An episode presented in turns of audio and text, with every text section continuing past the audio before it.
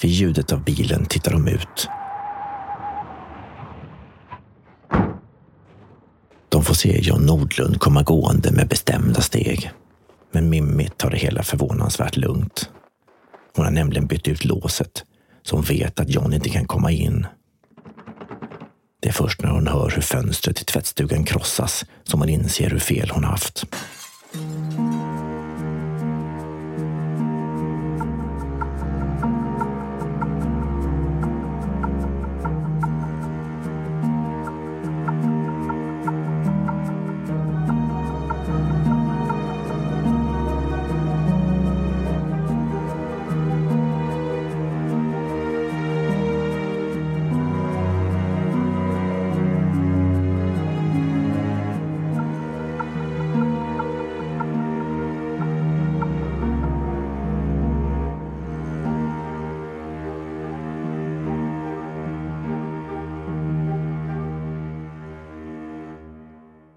Varje tid har sina brott och varje brott har sin tid.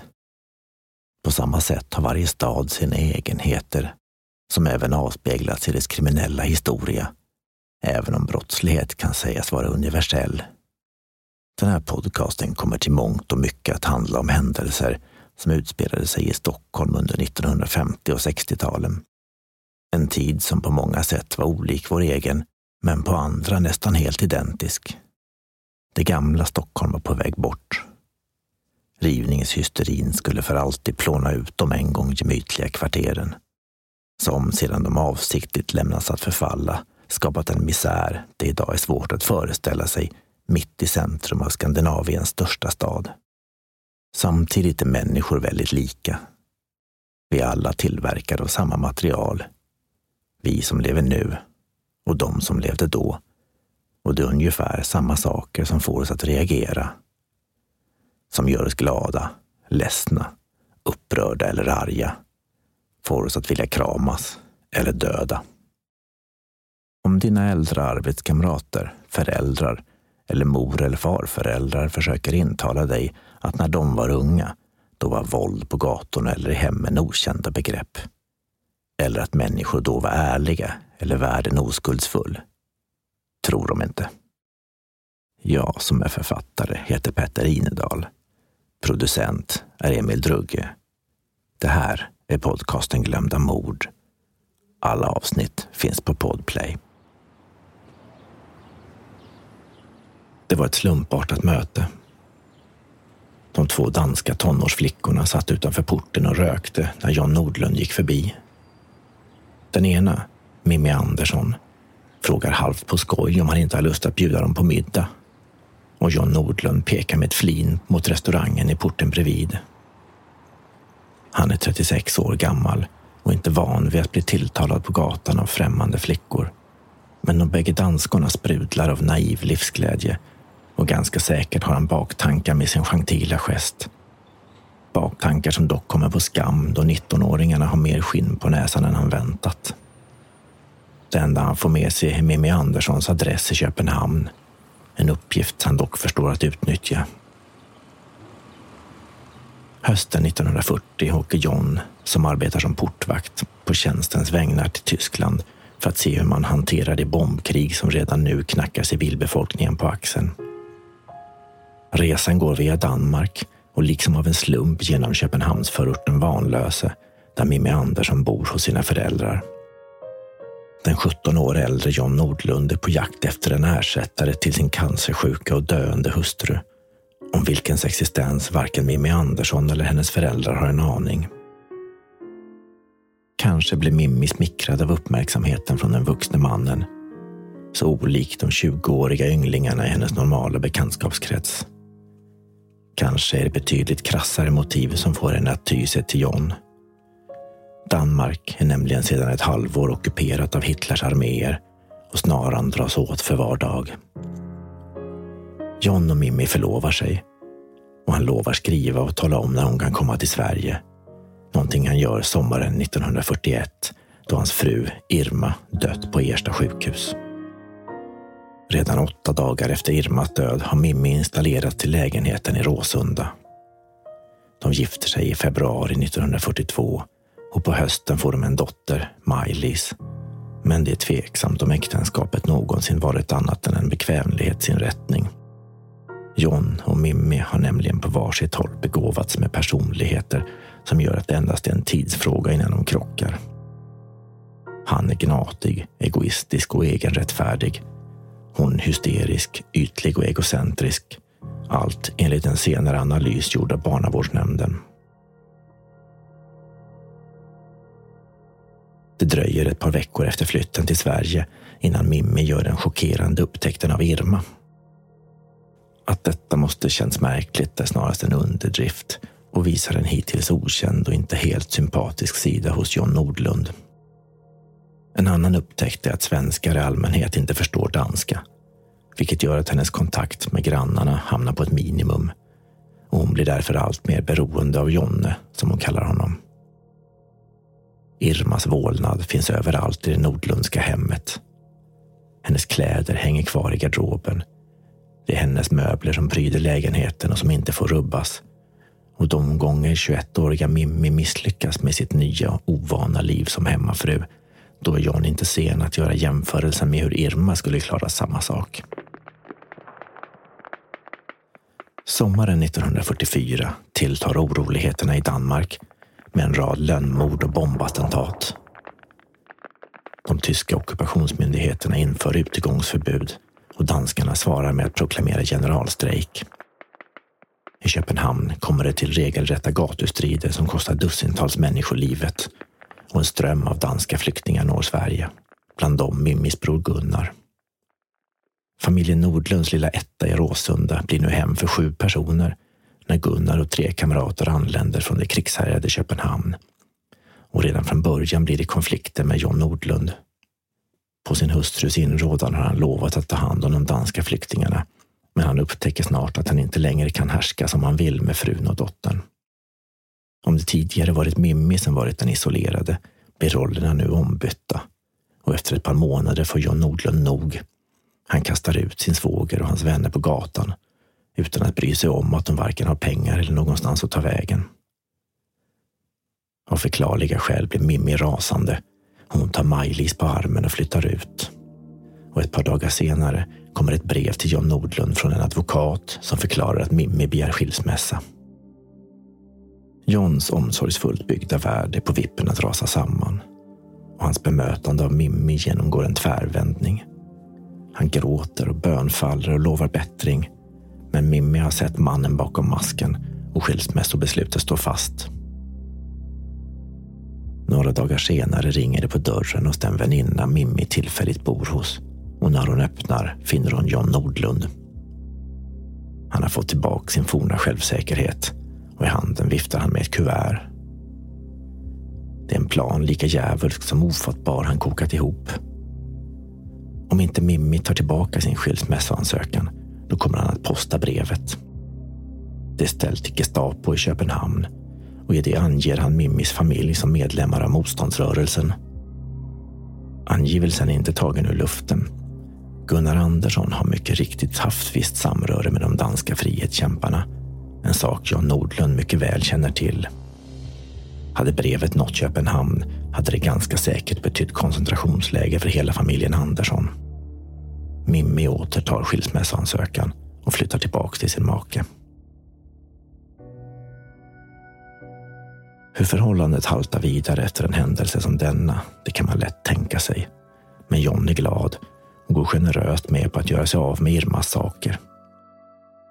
De byter lägenhet och köper nya möbler så att alla minnen av Irma försvinner. Och två år senare föds deras andra barn, sonen Ole.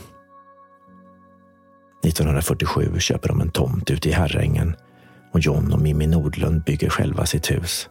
En villa på fyra rum på Isbergavägen 21A. Enligt John är de nu en lycklig familj. 1948 är huset så pass färdigt att de kan flytta in. Under de kommande två åren förvandlas villan till ett hem, om än ett hem med slagsida. John Nordlund har under tiden bytt arbetsplats och han är nu anställd av SLs föregångare SS, Stockholms spårvägar, där han ansvarar för städpersonalen. Ju mer färdigt huset blir, desto livsgladare blir Mimmi. Hon är i sällskapssammanhang sin makes raka motsats och tycker om att träffa folk. En sak som för John är obegriplig. Varför ska vi springa ute hela tiden när vi har byggt ett fint hem? klagar han. Att han själv är fanatisk helnykterist och icke-rökare medan den kontinentala Mimmi uppskattar både tobak och ett glas vin då och då. Ja, det gör inte slitningarna mindre. Kanske har det vingliga äktenskapet hållit sig på benen tack vare husbygget. De har helt enkelt inte haft tid att vara sig själva. Men våren 1950, när villan på Isbergavägen i stort sett är klar, är de tillbaka på samma ruta som tidigare. Att de har en inneboende ändrar inte deras beteende. John Nordlund har synpunkter på allt. Hur Mimmi sköter barnen, hur hon städar och diskar, vilka hon träffar. Speciellt illa tycker han om hennes bästa och enda väninna Rut Boman, vilken han menar har dåligt inflytande på henne och drar henne iväg från hemmet och barnen. Han löser det genom att ta med sig telefonen till jobbet så att Mimmi inte kan ringa sin vän. Som hemmafru har hon ingen egen inkomst utan är beroende av de pengar John ger henne och någon som helst insyn i familjens ekonomi har hon inte. Mimmi svarar på det ständiga gnatet på det enda sätt hon kan med raseriutbrott och svordomar av en sort som får grannarna att häpna. Någon enstaka gång går de till handgripligheter mot varandra. Inför Mimmis 30-årsdag den 20 mars 1950 ställs allting på sin spets. Johns svärmor Mary Andersson anländer till festligheterna men blir mycket fundersam då hon märker stämningen i det Nordlundska hemmet. De ständiga nålsticken och den illa dolda misstron. Både John och Mimmi beskyller varandra utan skäl för att vara otrogna och försummar inte ett tillfälle att pika den andre. På sin dotters inrådan stannar Mary kvar efter födelsedagsfirandet. Hon skulle egentligen bara varit där några dagar.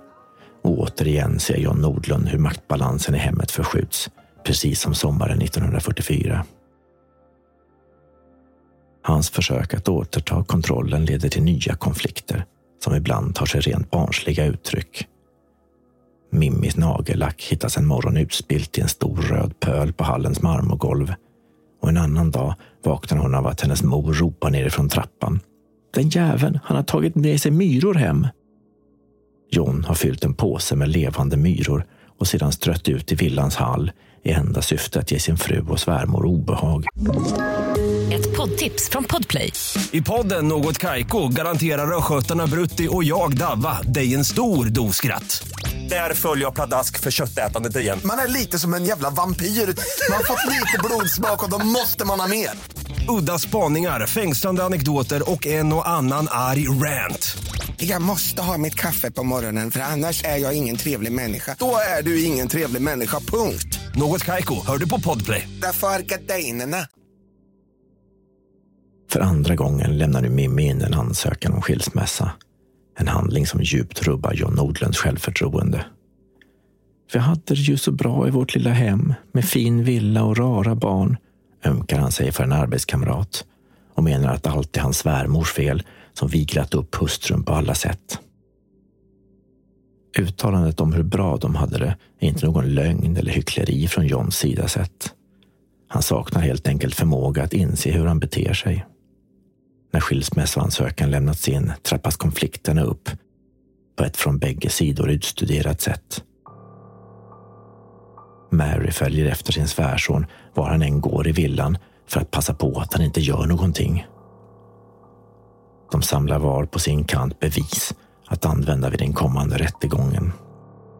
John försöker övertala en granne, vilken arbetar på det närbelägna mentalsjukhuset Långbro, att komma in och ställa diagnos på Mimmi. Han låser in hennes och barnens pass så att de inte ska kunna lämna landet. Mimmi påstår å sin sida att John förgiftat en burk ansiktskräm med syra och berättar hur hon fått blåsor av att använda den. Men vid analys gjord av polisen så visar den sig inte innehålla någonting annat än just ansiktskräm. Två misstänkta ampuller hon hittar i hans nattduksbord analyseras även de. Det är vitaminer. De anmäler ömsesidigt varandra för misshandel, även Mary, och ser till att skaffa läkarintyg och väl synliga bandage över de få blåmärken som uppdagas. Den 18 april har John fattat sitt beslut. Allt är Marys fel och kan han bara bli av med henne, liksom han en gång blev av med de danska flyktingarna, då kommer Mimmi att återta skilsmässoansökan och de kommer att få det bästa hemmet på jorden. Han försöker handgripligen slänga ut henne, men hon låser in sig i sovrummet och John ringer polisen. Konstaplarna som anländer har svårt att dölja sin munterhet när det går upp för dem att de är där för att hjälpa en man att bli av med sin svärmor. John har passat på när Mimmi varit ute, men hon kommer hem innan polisen åkt och då hon säger sig inte våga vara ensam hemma med John är enda lösningen att hon tar med sig Ole och Maj-Lis och sover på polisstationen. Dagen efter placeras barnen på Nybodahemmet.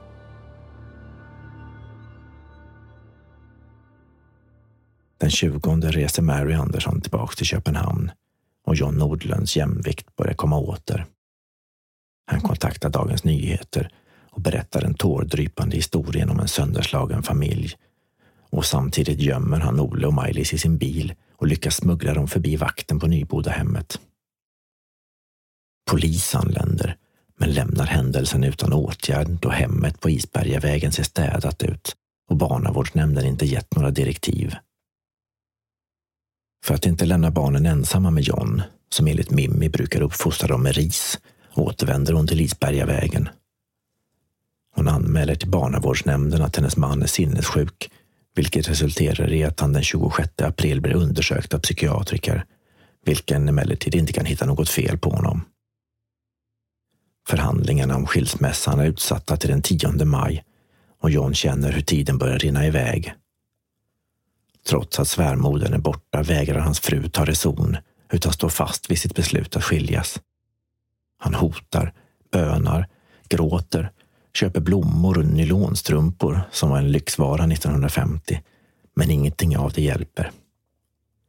På kvällen den 8 maj har en grotesk plan formats i hans hjärna.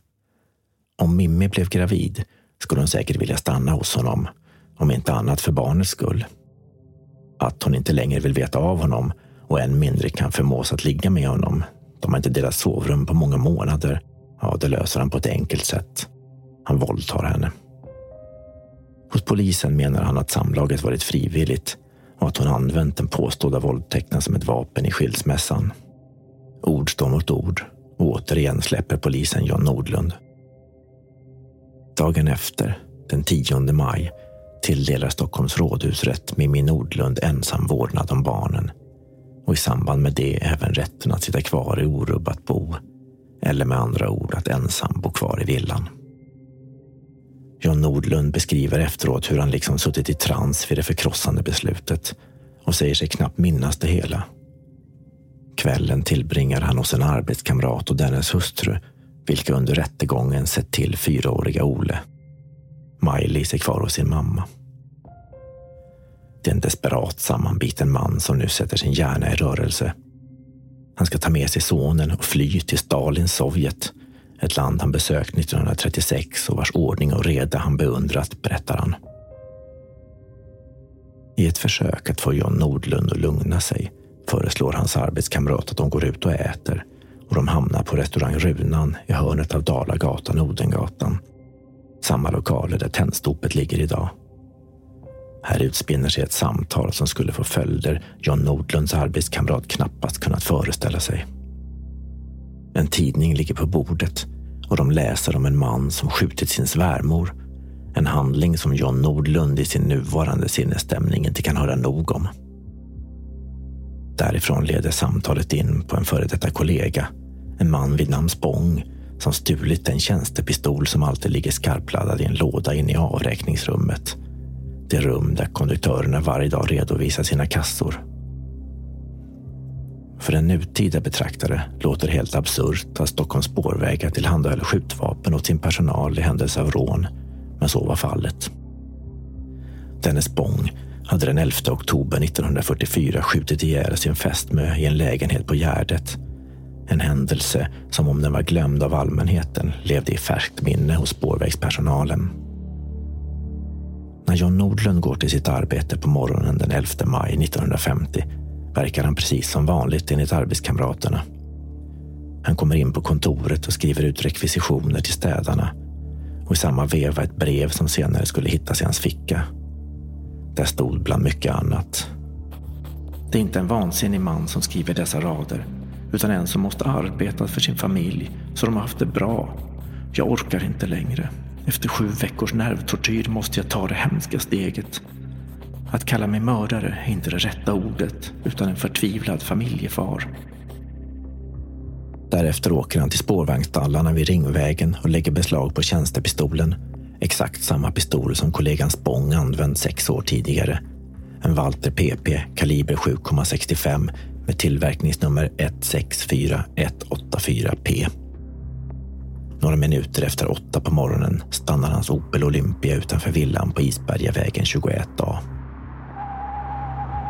Vid ljudet av bilen tittar de ut. De får se John Nordlund komma gående med bestämda steg. Men Mimmi tar det hela förvånansvärt lugnt. Hon har nämligen bytt ut låset så hon vet att John inte kan komma in. Det är först när hon hör hur fönstret i tvättstugan krossas som hon inser hur fel hon haft. Hon skickar dottern till telefonen. Hon har för säkerhets skull redan tidigare lärt sjuåriga Maj-Lis hur man ringer polisen och går själv ner i hallen endast iklädd tofflor och morgonrock. Ungefär samtidigt kommer John Nordlund in från tvättstugan och den ursinniga Mimmi öppnar ytterdörren och lyckas knuffa ut sin före detta man. Hon följer honom skrikande ut men tystnar med ens när han tar upp pistolen och gör mantelrörelse. Det första skottet träffar henne i vänstra axeln och hon vinglar till. Instinktivt snurrar hon runt och försöker undkomma bakom husknuten, men John skjuter igen. Två skott träffar henne bakifrån i höger axel och det tredje tränger in i huvudet bakom höger öra.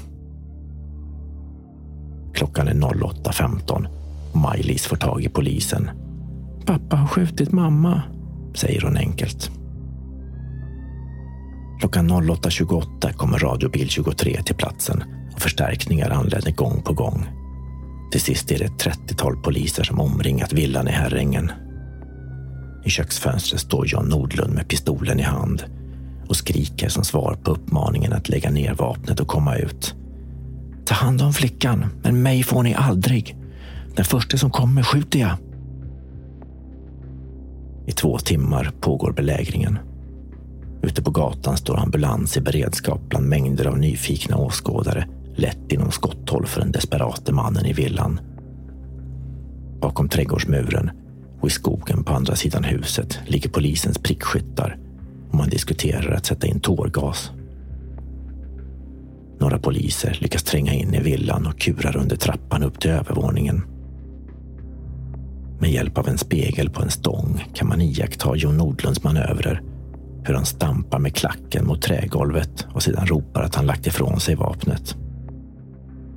Vid åsynen av prickskyttarna drar han sig längre in i rummet och gör till slut det man väntat på. Han lägger pistolen på ett blombord medan han på byxbenet torkar svetten av handflatan, omedveten om att han hela tiden observeras.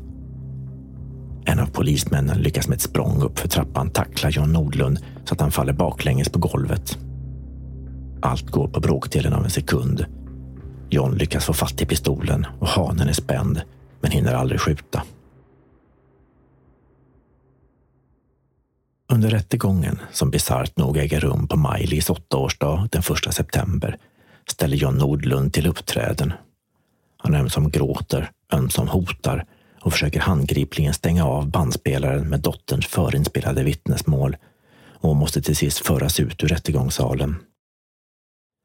Flera av åskådarna brister i gråt när Maj-Lis med darrande spröd röst berättar att pappa sköt mamma. Nu har jag ingen mamma mer. Ambulansen hämtade henne och hon var alldeles röd i ansiktet. John Nordlöm döms för överlagt mord men strafffri förklaras som så kallad 5-5 och överförs till mentalsjukhus. Även från häktet har han försökt styra och ställa och skrivit brev på brev för att se till att Mimmis urna inte förs till Danmark och att hans före detta svärföräldrar inte får vårdnaden om barnen, men utan resultat. Ett av de mer märkliga brev han skriver är för övrigt till Mimmis väninna Rut Boman, där han talar om för henne att han förlåter henne för allt ont hon gjort honom. En indikation på att grubblerierna under häktestiden flyttat skuldbördan från svärmodern till väninnan. Han skulle troligen komma att flytta den igen ett antal gånger under åren fram till sin död 1984. När berättelsen om John Nordlund publicerats dröjde det inte länge innan jag blev kontaktad av läsare. En före detta SL-anställd hade en dag hittat en gammal pistolinstruktion på jobbet och frågat en äldre kollega vad detta egentligen var och då fått höra den makabra historien om de vapen som brukade förvaras på trafikexpeditionerna. Och det är henne jag har att tacka för att jag fått läsa dessa instruktioner. En annan man hade växt upp på Isbergavägen 21A. Hans familj köpte huset 1951 bara några månader efter mordet på Mimmi Nordlund och själv var han född där och trots att han visste om händelserna så var det ingenting som störde honom speciellt. Inte förrän han i sin tur säljer fastigheten vidare efter föräldrarnas död och efter flera år får ett samtal från en upprörd köpare som vill veta varför han inte berättat att någon blivit mördad i den trevliga lilla vita villan. Ett av breven jag fick kom från Danmark och avsändaren var John och Mimmi Nordlunds barnbarns barn. Hon berättade att Ole och Maj-Lis numera bägge var döda. Båda två hade vuxit upp med mammans efternamn, Andersson, men redan som 18-åring byter Ole av okänd anledning tillbaka till Nordlund. Men varken han eller systern talade någonsin om sin far. Brevskrivaren bad mig om hjälp med information om sin familj då ju mordet och tystnaden satt en bakre gräns för släktlinjen. Men tyvärr var det inte mycket jag kunde ge henne förutom polisrapporternas fåtaliga upplysningar. Ännu intressantare var ett brev som jag fick av en kvinna som berättar om en upplevelse hon haft i sin barndom. Hon är vid tillfället sju år gammal och ska åka på klassresa till Skansen och de bara bor tre hus bort går hon förbi sin kamrat Maj-Lis Nordlund för att få sällskap till skolan. Det är den 11 maj 1950 hon minns än idag med fasa hur hon suttit i hallen och väntat på att Maj-Lis ska bli klar. När hennes mamma kommer rusande ner för trappan klädd i röd morgonrock.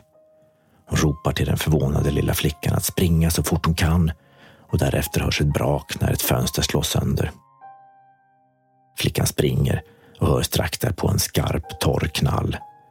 Men hon bara är sju år gammal och aldrig har hört ett pistolskott förr så det är inte förrän långt senare hon inser betydelsen av vad som just har hänt. Via radio får hon sedan höra om mordet på sin bästa väns mamma. Hon och hennes föräldrar besökte Maj-Lis och Ole i Köpenhamn några år därpå, men återsåg dem sedan aldrig mer. Det skulle dröja ända till vuxen ålder innan hon slutligen via en bok fick veta bakgrunden till de hemska upplevelserna på Isbergavägen. Hon beskriver det som en befrielse att slutligen kunna lägga det bakom sig, även om hon aldrig kommer att glömma det. Som nämnts i berättelsen om John Nordlund var mordet på Mimmi inte det första mordet med den tjänstepistol han lånade från jobbet.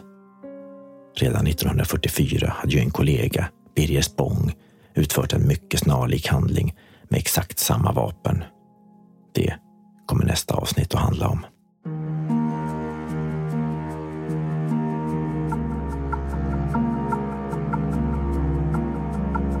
Du har lyssnat till podcasten Glömda mord. Jag som berättar heter Petter Inedal. Producent Emil Drugge. Allt det här har hänt på riktigt.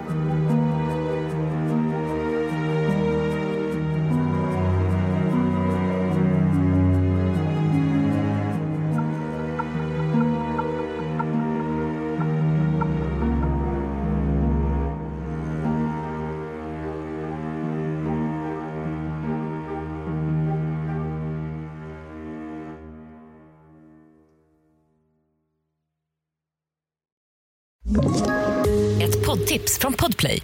I podden Något Kaiko garanterar östgötarna Brutti och jag, Davva, dig en stor dos skratt. Där följer jag pladask för köttätandet igen. Man är lite som en jävla vampyr. Man har fått lite blodsmak och då måste man ha mer. Udda spaningar, fängslande anekdoter och en och annan arg rant. Jag måste ha mitt kaffe på morgonen för annars är jag ingen trevlig människa. Då är du ingen trevlig människa, punkt. Något Kaiko, hör du på Podplay. Därför är gardinerna.